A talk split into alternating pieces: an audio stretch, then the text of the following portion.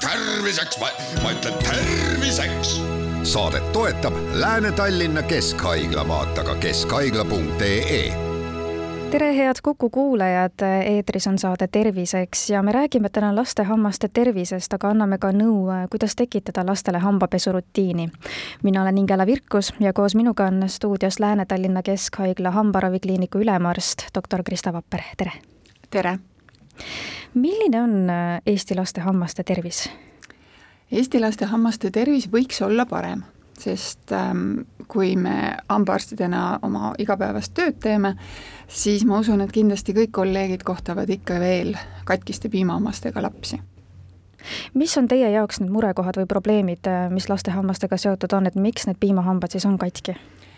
No piimahambad on ikkagi katki eelkõige hoolitsemise puudulikkuse tõttu, ehk siis äh, lapsevanemad kas ei tea, kuidas äh, laste hammaste eest tuleb hoolitseda või ka lihtsalt ei noh, ei hooli ilmselt äh, kipuvad vanemad arvama ka, et lapsel nagunii ju hambad vahetuvad, et küll neid hambaid jõuab siis äh, hoida ja, ja rohkem nende eest hoolt kanda, et kui palju te sellist suhtumist olete kohanud? no ega välja enam seda nii väga ei öelda, aga võib-olla mõeldakse ikkagi endiselt, et äh, jah, et arvatakse, et umbes nii, et noh, et piimahambad küll lagunevad suus ära ja tulevad uued ilusad jäävhambad, aga tegelikult see ei ole võimalik, sellepärast et kui piimahambad suus lagunevad, siis tegelikult on ju suus juba tekkinud mikrofloora, mis võimaldab seda lagundamist ja ta hakkab neilt äh, jäävhambaid täpselt samamoodi lagundama kui tõsiseks sellised probleemid minna võivad, te praegu küll ütlesite piimahammaste lagunemise kohta, et need võivad ka edasi kanduda nii-öelda siis tulevikus jäävhammaste puhul, aga suuhügieeni probleemid häirivad ju tegelikult kogu organismi, et äh, mitte ei põhjusta ainult ebamugavust suupiirkonnas, et kuidas sellised äh, hoolitsemata jätmised ja, ja kuidagi mitte tõsiseltvõtmised võivad äh, lapse tervist siis näiteks tulevikus äh, mõjutada? no mina ütleks, et see tulevik nii kaugel on, et kui me võtame nüüd näiteks väikese lapse, kes on siin kahe-kolmeaastane, me mõtleme, et miks me peaksime tal hambaid pesema, siis põhiline küsimus ongi selles, et see kahe-kolmeaastase hammaste lagunemine toimub nii kiiresti, kui see hakkab äh, peale, et siis sellel viie-kuueaastasel ei ole näiteks enam närimiseks piimahambaidki suus, sest need on lihtsalt ära lagunenud, see ei ole üldse harv olukord kui palju seda kõike mõjutab äh, toitumine näiteks, et äh, kuida-, milline on meie laste toitumine täna? no toitumine mõjutab hästi palju, et kui niimoodi laias skaalas vaadata, siis võikski öelda, et, et on kaks valikut, et kui sa ei taha lapsele hambaid pesta, siis pead jälgima väga rangelt ta toitumist, ehk välistama igasugused suhkrut sisaldavad toiduained ja hoidma siis äh, piisavat vahet toidukordade vahel siin ongi see teema, et toit on meile nii kättesaadav kodudes igal pool äh,, on ka kättesaadavad maiustused, endiselt äh, need on meil ka poodides suhteliselt hästi välja pandud ja ja ka odavaid maiustusi on, mida lapsed saavad oma taskuraha eest osta. et kõik see on väga kättesaadav ja lihtne lapsel kasutada kuidas aga hambaarsti külastusega, et millal võiks teha esimese hambaarsti külastuse lapsega ja kas see on selline külastus, et kohe minnakse näiteks hambaid ravima või, või pigem võiks olla see selline äh, lihtsalt äh, hambaarsti tutvustamine, et mida hambaarst teeb äh,, hambaarst vaatab hambad üle? jaa, et just see, selline see esimene visiit peakski olema ja võib-olla isegi tulla ikkagi nii vara, et nii väga ei ole vaja seda suudki vaadata, ühe-kaheaastase lapsega, kellel on seal veel piimahambad alles lõikumisjärgus, aga olla siis veendunud, et ma teen kõike õigesti, et pidada hambaarstiga nõu, et kuidas ma lapse hammaste eest peaksin hoolitsema tulevikus, mida jälgida, millal on õige aeg märgata ortodontilisi probleeme, näiteks üks probleem, mis Eestis on hästi palju äh, tänapäeval tähelepanu pööratakse sellele suu hingamisele, mis tekib väikelapse easeks, et seda märkab juba päris varakult ja kui sellele õigel ajal nagu tähelepanu pöörata, siis saab päris palju ortodontilisi probleeme ära hoida juba lihtsate vahenditega, mitte kallite ravitega hiljem tulevikus mis probleem selle taga võib olla, et äh, see hingamine on vale lapsel? no eks ta on äh, üks äh, lihtsalt selline harjumise asi ka, et, et kui laps näiteks on lutti imenud pikalt või, või on tal mingid muud häired seal imemisega, siis tekivad lihases teatud sellised ebakõlad ja, ja miimilised lihased ei ole hästi välja arenenud. ja kindlasti see, et lihtsalt ninakinnisus, suured adenoidid, kõik sellised takistused, mis takistavad nina kaudu hingamist või lihtsalt noh, harjumus suu kaudu hingata. Et need kõik on välja treenitavad väikesel lapsel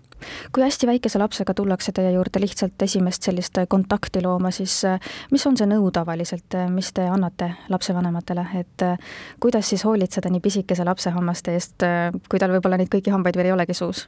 no eelkõige me räägimegi siis sellest, et milleks on vajalik hammaste pesu, et tegelikult selle väikese lapse puhul me räägime harjumuse kujundamisest. et muidu me satume olukorda, et et äh, viie, no viiene on juba liiga vana selgelt, aga ütleme, kahe-kolmeaastasel hakatakse esimest korda hambaid pesema ja ta loomulikult ei ole sellega nõus, sest see on mingi asi, mis kunagi varem pole tehtud. aga kui seda teha ikkagi juba imikust peale, harjutada selle suu puhastamisega, siis äh, see peaks olema lapse loomuliku hügieeni osa. üks väga hea abivahend lapsele harjumuse kujundamiseks on suukooli äpp mida saab siis lapsevanem oma telefonisse laadida, ma just rõhutan, lapsevanem, et see ei olegi nagu nii väga mõeldud, et ilmtingimata peaks lapsel oma telefon olema ja sealt siis seda äppi kasutama, vaid äh, lapsevanem siis äh, korraldab talle selle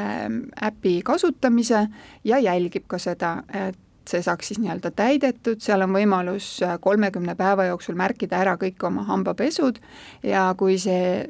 kalender nii-öelda on täis, siis äh, saab laps võimaluse saada suukoolilt kingitus. ja selle suukooli kingituse nii-öelda väljalunastamiseks peab siis pöörduma hambaarsti juurde, kellel siis omakorda on need suukooli kingitused olemas, et seda peaks kindlasti küsima, enne kui lapsega hambaarsti juurde minna. et ühesõnaga on võimalik siis praegu teha üks selline teistmoodi ja huvitav visiit lapsega hambaarsti juurde mida veel lapse hambaid puhastades äh, tähele panna, et milline peaks olema lapse hambaari näiteks ja hambapasta? et laps ja. vist ikka kipub tahtma kõiki neid samasuguseid hambaharju ja hambapastasid, nagu vanemad kasutavad. ja seda küll, aga ega see hambapasta siin esimesel kahel eluaastal nii oluline ei olegi. Äh, pigem on oluline jah, see harjaga harjutamine, noh, päris väikesel ikkagi need näpuharjad või jah, näpuhari vast on kõige parem äh, variant. siis hiljem, kui ta juba hakkab teile näppu võib-olla hammustama, siis oleks parem ikkagi tavalist harja kasutada, et äh, sellega te ei, ei saa ise vigastatud. aga noh, hari peab olema väike, võimalikult väikese peaga, et see oleks võimalik lapse suus liigutada erinevates suundades ja siis hammaste peal siis tehes ringeid ja äh, libistavaid liigutusi, puhastada ära nii hambad kui ka igeme vahe.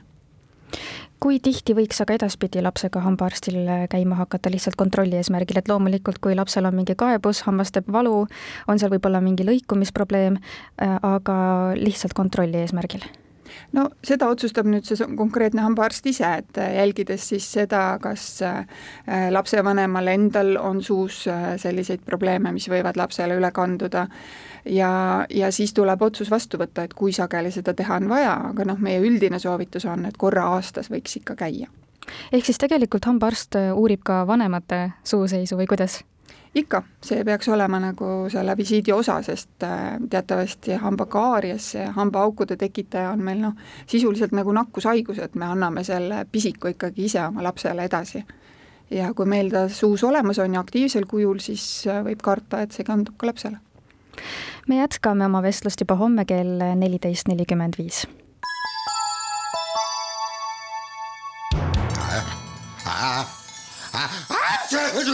Terviseks, ma, ma ütlen terviseks. saadet toetab Lääne-Tallinna Keskhaigla, vaata ka keskhaigla.ee